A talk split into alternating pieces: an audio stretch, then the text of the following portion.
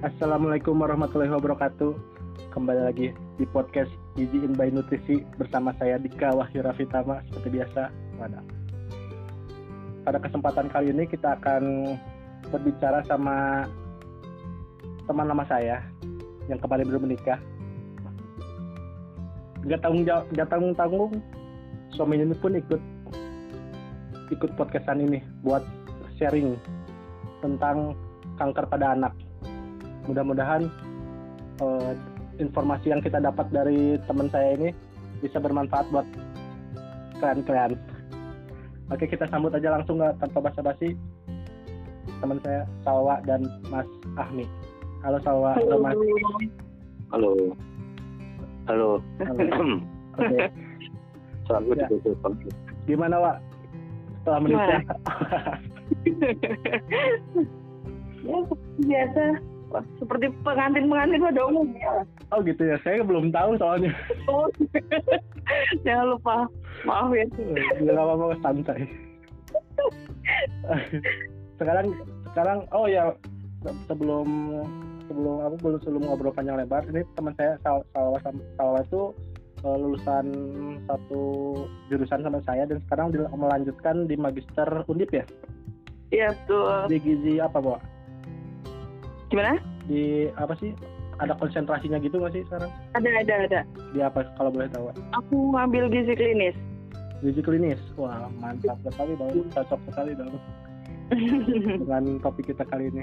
Terus kalau masnya tuh eh, lagi itu lagi apa? Lagi kuliah di kedokteran UNS Kedokteran UNS. Iya. Bulan Maret ya. Iya. Mantap sekali dua orang ini. Oke. Amin, amin, amin. Eh, sekarang lagi tesis berarti ya Wak, sama masnya juga ya? Skripsi ya? iya iya betul aku tesisnya kebetulan kanker juga tapi Oh. kanker dewasa Dokter. tapi ketik tulis gitu Nah, mantap. Emang cocok gitu saya telepon, saya menghubungi narasumber yang yang baik gitu. Yang tepat ya juga. terima kasih juga sudah mengajak kami Oh iya, jagonya saya menjadi. Jadi kesibukan kamu sekarang apa was? Tesis sama mengabdi pada suami ya? Iya, ya itu sambil cari uang. Jadi ada tiga kesibukan kami sekarang. Oh, udah jadi udah jadi pribadi yang mandiri ya. Iya, amin. Insya Allah. Kalau kalau kalau masnya juga eh, tinggal wisuda ya? Apa gimana? Iya, tinggal sudah juga nanti bulan Juni. Mudah-mudahan lancar ya, Pak. Ya, Mas. Amin. Nah, kita kan mau bicarain tentang kanker ya, Wak ya. Yap. Hmm. Kita kan em, bicara tentang kanker tentang anak yang apa-apa pasti nyambung juga kan. Ya, Kamu tadi kanker apa sih? Dewasa? Gimana? Kanker dewasa bagian apa? iya aku ngambilnya tikus kanker kolon gitu. Karena kan nggak mungkin di eksperimen ke manusia, jadi ngambilnya harus pakai hewan coba. Jangan coba ya. Iya. Soalnya yang tikus yang paling mendekati dan yang paling ekonomis ya buat dari penelitian ya. Iya betul. Hmm. Mudah-mudahan lancar ya, ya. Penelitiannya udah selesai berarti. Belum. Belum masih berlanjut. Iya. Mudah-mudahan lancar dan cepet ya. Cepet. Ya amin. Jadi jadi apa? Magister gizi, wadaw. Angkatan kita ka- kamu doang ya? Eh sama Rima deh. Iya, sama Rima di UNS. Nah, aku tuh sekarang mau nanya gini, Wak, sama Masnya juga barangkali bisa ngejelaskan dari sisi klinisnya ya. Kalau dari Hmm. kan dari sisi gizinya. Kalau misalkan aku tuh pengen tahu kalau gambaran umum tentang kanker pada anak tuh apa sih? Biar semua pendengar kita tuh pada ngerti gitu, pada mudeng. Eh, pada ngerti, sorry. Eh, jadi kanker pada anak. Iya, ya, dari, dari klinisnya dulu deh boleh, Mas. Hmm. Tapi kayaknya sebelumnya perlu kenal kanker dulu ya. Karena kadang istilahnya orang kan bingung kanker, tumor, apalagi. Jadi kanker itu pokoknya semua kumpulan penyakit ada banyak penyakit Ya, yang intinya itu di mana sel itu belah diri, oke. belah diri terus bisa nyebar bisa nyebar ke jaringan. Pokoknya belah diri nggak terkontrol itu kanker. Oke. Ya. Itu penyebabnya Kalau- karena apa, Mas? Penyebabnya bisa karena eh, ini bisa karena genetik, bisa karena genetik bisa karena eh, paparan dari lingkungannya. Contohnya kayak gimana? Contohnya kalau genetik misalnya orang yang kanker biasanya orang eh, misalnya ada saudara ibunya kanker serviks, dia mesti punya gen DNA Oh gitu. kanker. DNA kan jadi kayak ada gen gen Dan bawaan ada ya. gen ya ada DNA, DNA semacam DNA dia yang punya potensi kanker gitu. Nah, Ya. suatu saat kalau kena paparan atau apa, mungkin gen itu bisa gen itu bisa jadi gen gen yang berpotensi kanker itu bisa aktif jadi gen kanker Pada Hmm. anaknya. pada anaknya nanti bisa atau mati ya pada anaknya itu nanti. Berarti bisa disimpulin kalau misalkan kanker anak tuh gara- eh, bukan gara-gara karena ada keturunan dari ibunya atau bapaknya gitu. Kalau kanker pada anak kebanyakan di karena karena keturunan karena itu faktor resikonya keturunan itu ya. iya karena Oh, keturunan. Berarti faktor keturunannya besar sekali ya. Iya. Hmm. Besar juga. Serem juga ya. Ya, Keberuntungan. apa? Keuntungan. Keberuntungan. Untung-untungan ya. Ya mudah-mudahan kanker juga kan nggak nggak selamanya ganas kan ya. Masih, Nah. masih bisa di maksudnya selain kemoterapi dan lain-lain juga kan bisa dijaga dari pola makan dan lain-lain gitu kan. Kalau kanker biasanya kalau udah kena kalau udah kena kanker Hmm. eh, kalau sekedar pola makan itu agak susah soalnya sebenarnya kan ada istilah kayak yang yang ada ganas ada yang enggak itu biasanya tumor kan tumor oh. tumor ganas tumor ganas bedanya tumor sama kanker apa kanker itu kan tadi yang belah pokoknya selnya membelah Oke. kalau tumor itu tumor itu kayak semacam ya itu ada pembelahan sel Ya. terus jadi sampai bentuk benjolan gitulah kalau benjolan doang. itu benjolan Nah, itu bisa bisa terkon bisa kalau misalnya bisa masih terkontrol kayak bisa masih jinak misalnya Hmm. banyak kan kalau tumor jinak itu kan kayak masih kayak kalau dibelah gitu kayak masih ada wadahnya gitu loh hmm. Oh, keluar ya ya ya. tapi kalau yang ganas nah itu tumor ganas itu kanker Oh iya iya. Ya udah bisa keluar nyebar ke mana-mana Jadi sampai kanker ngakar jinak nggak ada gitu. ya. kanker Oh, jinak kanker nggak ada. Yang ada tumor jinak gitu ya. ya tumor Itu ilmu yang sangat bermanfaat. Ternyata saya baru tahu malah. Alhamdulillah. Nah, Alhamdulillah. Nah mungkin da- bisa digaris bawahi yang kata Mas ya tadi kalau dari makanan susah emang mungkin susah untuk menyembuhkan mungkinnya Mas ya. Eh, kalau dari makanan Ya, bisa sebenarnya untuk pencegahan pencegahan dan pemulihan mungkin ya bisa jadi ya. Pas kemoterapi Kalau kan mungkin eh, dari sisi fisik si tubuh eh dari sisi fisik si pasiennya tersebut juga kan harus dijaga. Mungkin gitu mungkin ya. itu iya mungkin Iya, untuk maintenance sih. untuk maintenance Maintenance. Nah, menjaga tapi tidak bisa sembuh. Iya. bukan Umpamanya. soalnya kan makanan bukan bukan obat ya. Iya. eh, ini, kalau apa namanya sejauh ini dari yang sumber yang aku baca kayak diet kayak diet khusus untuk mengobati kanker tuh enggak tapi diet kayak untuk maintenance biar kayak menjaga ya menjaga ini aja biar Biar biar mal- malnutrisi ya pas lagi kemo ya.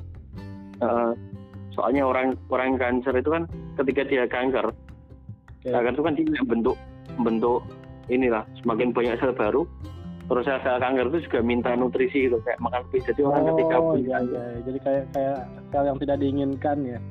Nah, dia dia juga sel kanker itu juga ngabisin nutrisi ini juga nutrisi orangnya Iya. dimakan sama kanker. Pencuri lah ya, pencuri yang tadi diinginkan. Iya, pencuri. Iya, biar gampangnya kanker tuh pencuri. Jadi kita tuh harus memenuhi kebutuhan lebih mungkin ya, TKTP-nya lebih ya. Kalau dibatin kanker itu kan eh, bukan penyakit dari luar sih. ya. Kayak Iya. ibaratnya kan itu sel kita sendiri ya. kayak semacam anak nakal gitu lah. Nggak punya anak nakal. Anak malah dia membesar sendiri. Kayaknya nggak bisa disentil ya.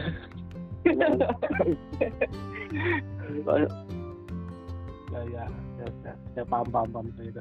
Nah, wah kalau kan itu dari sisi klinisnya itu jelas banget coba dan enak banget didengarnya. Terus kalau dari sisi gizinya, Wak, buat maintenance itu kira-kira Iya. eh, dari sisi gizinya gimana, Wak? Kan kamu lagi penelitian nih. Jadi, apa yang harus dilakukan dan dan bagaimana gitu? kalau dari sisi gizinya ya, maksudnya ini gizi preventifnya atau pas gizi kanker eh anaknya itu udah kanker nih pertanyaannya satu-satu dulu Gimana? Sorry. Gizinya untuk preventifnya si anak atau gizinya untuk anak yang kanker Boleh dua-duanya langsung. Eh, Dua-duanya satu-satu nggak masalah sih buat buat informasikan. Oke, mungkin preventifnya dulu kali ya. Nah, ketika misal ini sebenarnya agak eh, kompleks mungkin ya. Jadi nggak hanya dari sisi kesehatan tok, teori tentang kesehatan aja tuh nggak bisa. Jadi eh, dari keluarganya dulu deh. Misal kalau ada neneknya nih yang kena kanker, terus orang tuanya sehat, orang tuanya nggak kanker. Oke. Nah, kadang terus kemudian dia punya anak. Nah, kadang dia ini lupa gitu loh kalau anaknya ini kemungkinan juga membawa gen yang bisa menimbulkan kanker gitu ya. Lebih beresik dibandingkan orang-orang lain yang nggak punya keturunan kanker. Nah, misalnya kalau untuk menjaga biar anaknya ini nggak kemudian kanker, nah orang tuanya ini kan juga harus apa ya lebih perhatian lah. Salah satunya nih menjaga yang paling penting tentunya gizi ya, apalagi anak-anak masa pertumbuhan, ya nggak? Masa pertumbuhan. Kemudian kalau misal bapaknya ini perokok, nah ini lebih berat lagi. Karena kalau bapaknya perokok, otomatis anaknya juga kena asap rokok terus dong tiap hari. Iya dong. Nggak mungkin enggak ya kan? Nah kalau kena asap rokok terus nih, ini juga yang bakal bisa menyebabkan anaknya itu eh, lebih kemudian lebih mudah. beresiko, Oke. lebih beresiko mungkin. Jadi yang paling penting ya tetap gizi tumbuh kembang anaknya ini yang harus benar-benar dipenuhi secara optimal. Heeh. Ibunya harus aktif ke posyandu, nanya-nanya ke bidan, nanya-nanya ke ahli gizinya, rajin kunjungan ke puskesmas. Ya itu mas. Yang penting gizi anaknya ini tetap uh, sesuai dengan umurnya. Hmm. Iya. Kadang dari kan, gitu. oh, kadang kan edukasinya lewat puskesmas, lewat posyandu, ya enggak? Iya dong. Tanpa tanpa kita yang nyari tahu sendiri ya. Iya, itu sih. Jadi Ya proteinnya, ya lemaknya gitu. jadi mungkin tips-tips buat ibu-ibu yang udah punya anak itu alangkah baiknya buat buat kesehatan anak kita dan eh, keterusan eh sih keturunan kesehatan keturunan kita lebih baik kita jangan nunggu disuapin sama puskesmas atau pemerintah. Iya. kita juga harus, Iya, harus harus menanyakan langsung ke diri ya. diri juga. Mm-mm. apalagi ya harus kesadaran orang tuanya juga sih ketika kayak ada garis keturunannya yang cancer ya harus lebih perhatian gitu. Sebenarnya gizinya nggak ada yang khusus banget gitu ya untuk anak yang misal punya keturunan kanker ya harus gizinya gini-gini. Enggak tetap ya gizinya seperti gizi anak tumbuh kembang pada umumnya. Cuman kayak mungkin paparan asap rokok dan lain sebagainya itu kayak mungkin lebih jadi gampang micu gitu loh. Itu yang harus dijauhkan juga. Le- lebih dimonitoring mungkin bisa tepatnya iya. Hmm, ya ya. Sih. terus yang satu lagi tuh tadi pas udah pencegah yang udah kena ya? Pencegah eh ini ya udah kena ya? Hmm. Nah ini biasanya kalau anak-anak kena cancer eh, intervensi dari rumah sakit paling kemo ya. Iya, kena. Kemo kebanyakan kan. Oke. Kemo makanya anak-anaknya jadi kurus biasanya gitu kan. Nah, Nah, ini nah itu ini apa topiknya nih. Topik tes aku. oke dia Biasanya kan memang pasien itu eh pasien kanker itu pasti dia akan lama-lama jadi kurus ya. Entah dia kemo entah enggak. Karena kalau misal eh, kemo ya apa namanya? Dia biasanya kan akan muntah-muntah terus dikasih makanan muntah, dikasih makanan muntah. Itu tambah membuat dia menjadi makin kurang gizi. Kemudian kalau misal dia nggak kemo pun dia tetap juga akan lama-lama kurus kalau misal asupan makanannya itu kurang dan sel kankernya itu terus membelah diri, terus minta makan, terus minta makan gitu ya. Jadi akan defisit. Nah, eh, biasanya dari rumah sakit ngasih dietnya diet apa di TKTP dong rendah lemak DP ya kan? Ya. Tinggi kalori, tinggi protein. Nah, kadang mungkin beberapa em, ahli gizi atau apa, nah tinggi kalorinya ini nih yang agak berbahaya kadang. hmm, Kadang kenapa kalorinya tuh kalori dari mana sih maksudnya gitu. oh kalori seperti apa gitu. Nah, selama aku eh, nyari jurnal gitu ya, jurnal luar, jurnal jurnal luar sih banyak kan, nggak pernah ada satupun yang merekomendasikan tinggi kalori untuk pasien cancer. oh gitu Iya, nggak ada, karena hampir nggak ada. Karena ternyata kalau teori-teori terbaru yang aku baca itu justru kalau misal tinggi kalori itu justru berbahaya untuk sel kanker karena sel kanker itu suka banget sama makanan yang tinggi kalori. Jadi dia kalau dikasih makanan itu dia makin gede, makin gede, makin gede. mungkin ya Apa? kayak kalau dikasih makan gitu mungkin ya soalnya dia udah Iya. Jadi eh kata tinggi kalori ini yang berbahaya sih. Mungkin kalau dari sisi gizi pengennya pasiennya nggak kurus, makanya dikasih tinggi kalori. ya, itu kita Tapi sebenarnya itu. Iya, tapi ternyata sel kankernya itu justru malah suka kalau dikasih makanan tinggi kalori. Jadi yang harus di hati-hati adalah di tinggi kalorinya ini. Kalau tinggi protein masih oke sih. Ya, oke gitu. oke Hmm, jadinya itu yang masih baru diteliti sih karena juga di Indonesia juga belum pernah ada bahas tinggi kalori. Nah kalau misalkan yang yang tinggi yang harus rendah lemak tuh kenapa tuh Kalau rendah lemak sih ya bener ya karena kadang lemak itu cenderung ke gorengan-gorengan, oh, ke ya kan ya. ke ya kebanyakan oh, di Indonesia gorengan apalagi.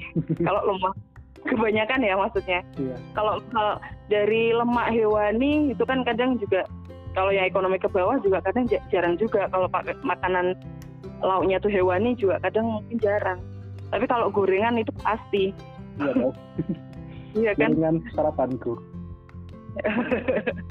Jadi yang paling menurut aku yang paling eh, bagusnya ya tinggi serat sih. Tinggi serat dan betul betul betul. tinggi protein masih oke tapi proteinnya ini harus digarisbawahi juga. Tidak semua protein itu bagus juga untuk pasien kanker. Nah protein apa aja tuh yang ngomong contohnya daging merah iya. Daging merah itu justru malah meningkatkan resiko pada penyakit kanker gitu ya. Oke. Atau memperparah. Soalnya mungkin tinggi lemak juga ya. Iya. Tuh apa ya itu kalau kalau yang baik kayak yang protein kayak kayak ayam contoh yang gampang didapat ikan telur yang paling gampang ya ikan Telur. ayam telur. Telur masih oke. sebetulnya mudah lah ya. Maksudnya tuh buat mencukupi nggak harus mahal iya makanan bergizi bukan makanan mahal ya nggak sih? Iya dong. Cuman makanan yang mau atau enggak? Iya benar oke mantap sekali. Nah mas kalau saya mau nanya dulu ke masnya nih kalau eh, penanganan kanker cancer, cancer itu itu bisa langsung bisa benar-benar hilang nggak buat kemo tuh literally hilang gitu. Kalau mungkin masih tahapannya awal itu dia bisa ya kan kan kanker tuh biasanya ini masalahnya kanker tuh dia eh, kalau misalnya tumor dia tuh kayak punya kapsul gitu. Jadi kayak punya wadahnya. Oke. biasanya punya kapsul. Kalau kanker kadang nggak ketebak. Jadi kayak semacam udah mengakar mengakar kayak gitu. Kadang walaupun udah dioperasi udah diambil bisa udah diambil. Jadi itu kan diambil pengangkatan. Misalnya dia kanker di mana di mana itu diangkat selnya udah nggak ada bakterinnya itu di sel-sel sekitarnya itu dibersihin di kayak oh tikum iya iya di- soalnya Ya. soalnya ngedeteksinya agak ribet juga ya agak sulit juga ya. Ada kemungkinan kalau sel-sel sekitarnya itu mungkin mengandung kan bisa jadi sel kanker juga. Hmm, kemoterapi itu sebenarnya kayak buat ya mematikan secara kimiawi gitu. Kan kemoterapi. Kalau misalnya masih kecil ya belum soal gejala gede kayak itu misalnya eh, itu di kemoterapi langsung bisa. Hmm. tapi bisa kalau misalnya ada satu yang misalnya ada yang bertahan satu aja itu bisa nantinya timbul lagi. Jadi kayak ada yang penting ada sel satu, satu selnya bisa membelah terus ya kayak mikroba ya Iya. kayak gitu. Jadi harus dikontrol terus ya?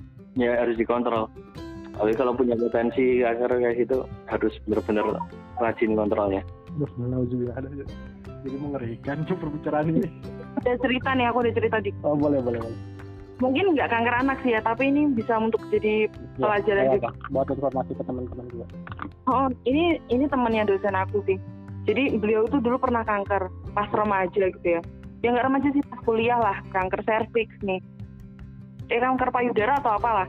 Ya. udah di kemo udah segala macem sembuh gitu kan. Oke. kemudian 20 tahun mendatang gitu ya. Pas itu kan beliau udah profesor gitulah.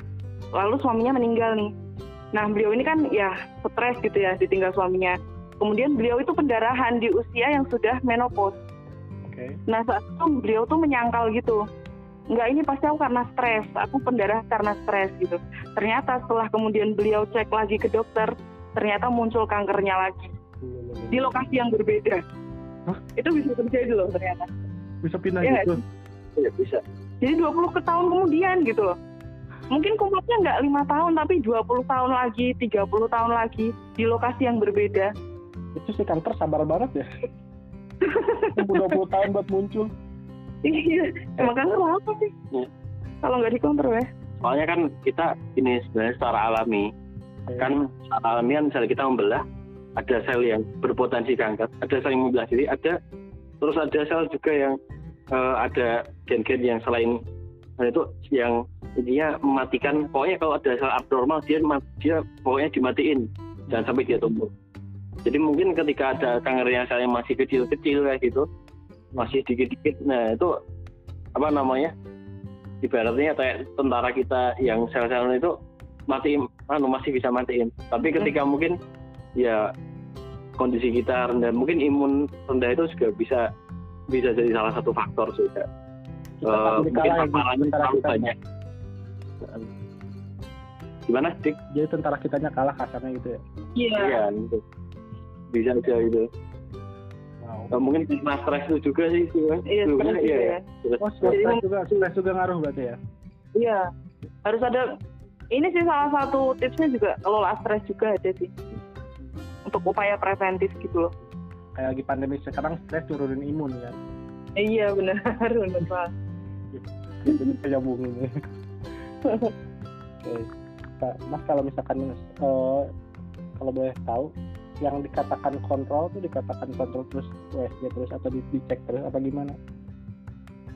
Eh, kontrol kalau biasanya kalau misalnya ada kan sorry ya sorry potong dulu. Soalnya kan secara tiap orang tuh kadang-kadang kita tuh suka gam, suka gak mau buat minimal general check up aja kita, kita masyarakat gitu ya nggak suka gak mau karena takut karena apa gitu. Apalagi yang punya cancer itu tuh pasti punya ketakutan sendiri dan takutnya mereka stres gitu.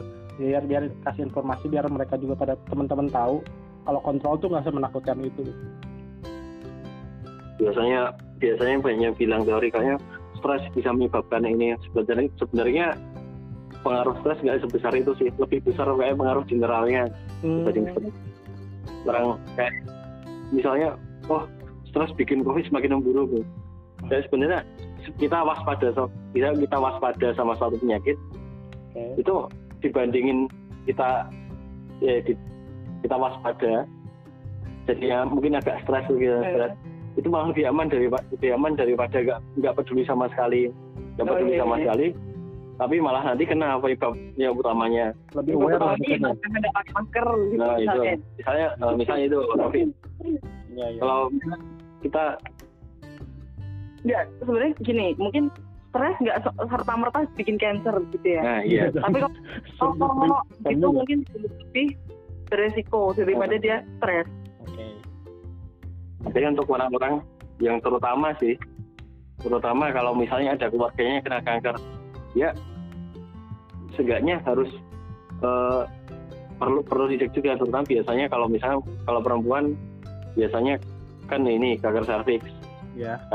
ya bagian rahim atau apa itu Hmm. ada sebenarnya eh eh, kayak belajar kayak check up tiap berapa ada sebenarnya aturannya tiap berapa tahun sekali kalau misalnya orang tuanya punya riwayat kanker punya apa Hmm. kayak gitu ada Jadi kita yang lebih aware harusnya ya. Iya, lebih, lebih aware gitu lebih tepatnya ya. Mm-mm. Hmm. Ya, soalnya Tapi- kesehatan buat kita sendiri gitu kesannya gitu kan. Iya. nah iya tapi emang gitu sih kadang orang eh, aku seringnya di rumah sakit itu dosenku sering cerita kalau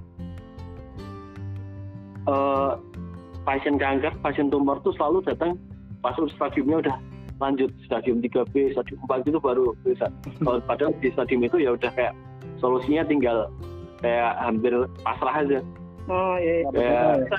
susah banget udah pokoknya pokoknya persen sembuhnya itu makin lama udah makin dikit Nah. Soalnya karena karena ketakutan nggak suka kontrol tiba-tiba udah besar aja. ya. Iya. Hmm. Nah terus tadi aku ngutip juga di kata-kata kamu kan yang eh kata-kata masnya apa ya? Yang pokoknya yang eh, kemo tuh suka dimakan tuh jadi nggak enak. Iya aku yang bilang. Oh iya kamu. Itu karena apa ya kalau kalau tahu? Dan dan gimana gitu solusinya biar apa? Yang pas- pasien cancer tuh nggak mau makan lah katanya. Biar mau makan maksudnya. Iya. Eh, karena apa? Nggak mau makannya dan gimana caranya biar mau makan gitu. Sebenarnya kalau dulu pas satu kan aku cancer juga ya. Dan itu aku penelitian di rumah sakit. Iya. Itu memang kalau semua pasien yang di kemo dia pasti setiap hari itu muntah terus. Dan itu emang karena efeknya gitu loh. Nggak bisa ya? dihindarkan sebetulnya gitu loh. Hmm. karena emang mual dan sakit banget. Bisa apa ya dia tuh jadi murung juga karena sakit banget di kemo tuh. Hmm. tangannya tuh bisa item-item gitu di oh. Bener-bener kan sakit gitu. Dimasukin kan itu dimasukin kayak cairan kimia-kimia gitu ya buat bunuh sel kankernya. Hmm. tapi itu kan ke seluruh tubuh iya nggak sih mas? Iya. tetap ke seluruh tubuh kan dan itu sakit emang bikin mual bahan-bahan kimianya obatnya itu emang bikin mual dan emang itu nggak bisa dihindarkan sih. Salah satu solusinya ya makan dengan porsi kecil dan sering. Jadi nggak enek gitu loh. Oh iya nyemil terus Tiga nyemil kali terus. enam kali gitu bisa jadi ya? Iya. Jadi makanannya dua sendok. Tiap berapa dua sendok gitu loh. Hmm. biar nggak masuk cuma makan cuma makan mesti muntah kalau mungkin dikasih makanan yang dia suka aja ya tapi yang sesuai gitu. iya. Biar dia semangat makannya Mm-mm. Makan bahkan aku pas dulu di rumah sakit ada bapak-bapak kemo dia ngemilnya apa coba? Fanta. Aduh aku sebut merek. iya jajanan-jajanan Indomaret itu. Terus aku bilang Pak kenapa makanannya seperti ini? Kata dia. Yang penting saya makan lah mbak. Ada yang saya suka yang saya mau makan ya udah saya makan. Ya itu yang dia mau makan. Yang lain dia nggak mau. Itu kan kadang susah juga ya. Iya. oke mau makan tapi makanannya kayak gitu. Iya, cancer semut diabetes nanti. iya. Gak apa-apa, tetap pilihan terbaik. Itu pilihan terbaik dan dokternya sadar. iya emang kompleks banget sih ya Iya, so- soalnya kan memaksakan pasien juga salah kan. Iya. Harus harus apa harus tahu apa yang dia mau dulu. iya Kita masuk. Oh. Nah, kalau misalkan cancer pada anak biasanya tuh di, di- kan gini nih, kalau misalkan kanker tuh kanker apa biasanya suka aja kalau masyarakat awam kan kanker rahim kanker pankreas atau biasanya kalau kanker anak tuh biasanya apa sih? Eh, kalau kanker pada anak biasanya kalau yang genet biasa sih yang genetik genetik itu ini leuke- leukemia kanker darah. Hmm, kanker darah. Ini agak beda sih kalau dibanding kanker lain.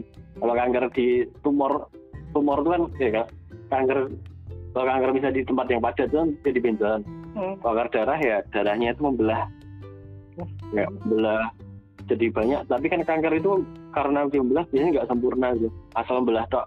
Jadi ya dia darahnya darah putihnya kayak gitu nggak sempurna. Dia jadi kekurangan darah gampang sakit. Iya, kalau dia leukositnya turun ya. leukositnya turun. Banyak banyak leukosit yang ini leukosit gagal juga. Iya, belahannya di jahat. Oh iya, terus ini ada pertanyaan ini yang, yang sering tanya, eh jangan makan mak yang bakar-bakaran ntar, ntar kanker. Bener ya sih? ada benernya sih. Karena kalau makanan yang dibakar kadang yang gosong-gosongnya itu kan karsinogenik ya? Iya. karsinogenik kan salah satu faktor resiko munculnya kanker juga sih. Ya bener. Masih mungkin kalau sering-sering ya bener. Bisa. Sama Kalau makanan yang- makanan yang diawetkan kan? iya bisa sama bahan-bahan pengawet ya. Ya, ngawet. oh iya pengawet. Manis buatan. Wow. sebenarnya ya untung-untungan juga sih. Ada juga orang mungkin yang makan kayak gitu nggak cancer gitu. Iya.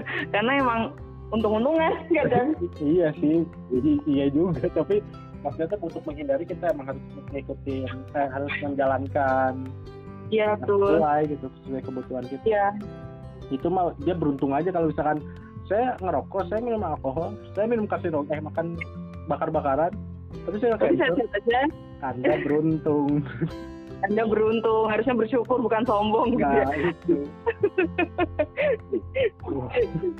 itu nggak ada. orang galau-galan di jalan terus aku di jalan nggak pakai helm nggak pakai apa selamat nerobos lampu merah selamat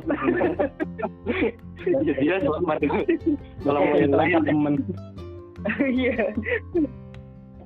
Nah gitu gitu. Menarik sekali cancer ya. tapi di- ya kan di di, di RSU kan emang jarang ya aku dapat pasien cancer alhamdulillah Alhamdulillah. So- soalnya kalau misalkan ada yang cancer yang pasti bener kata Mas tadi pasti udah stadium yang udah agak berat itu pasti dirujuk gitu Soalnya kan ngandelin dia nggak mungkin juga kan? Iyalah nggak akan bukannya Iya. bukannya nggak bisa cuman nggak akan se-efektif. Iya. iya nggak usah efektif ya. Tapi bukan berarti nggak berguna gitu. iya dong berguna dong berguna banget. Iya dong.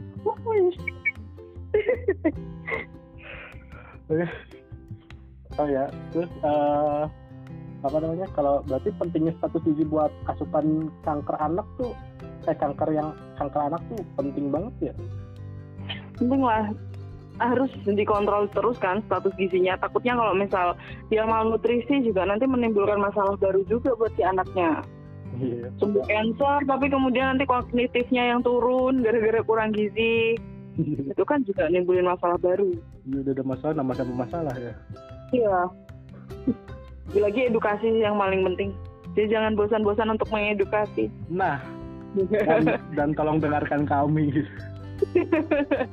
tentunya dengan dengan podcast ini salah satunya gitu. Gitu ya betul. Keren foundernya dan timnya. Alhamdulillah. Lagi loh dipuji sama narasumber. Ya oke mungkin eh, udah poin-poinnya udah dapat semua. Mudah-mudahan informasi ini bermanfaat buat teman-teman bisa didengarkan gitu ya buat diaplikasikan yang meskipun itu preventifnya yang yang sebelum yang amit-amit belum yang nggak kena yang nggak ada keturunan meskipun yang sudah kena itu bisa diaplikasikan ya Wak, ya informasi ini. Yang dari Mas Betul. juga semoga banyak yang dengerin. Amin. Mudah-mudahan bermanfaat juga buat teman-teman. Eh, Iya. terus buat Salwa dan Mas Ahminya mudah-mudahan cepat wisuda Mas Ahminya dan Salwa juga aku juga sudah iya sama Salwa juga. Tapi nggak mungkin bareng dong wisudanya nggak mungkin satu gedung.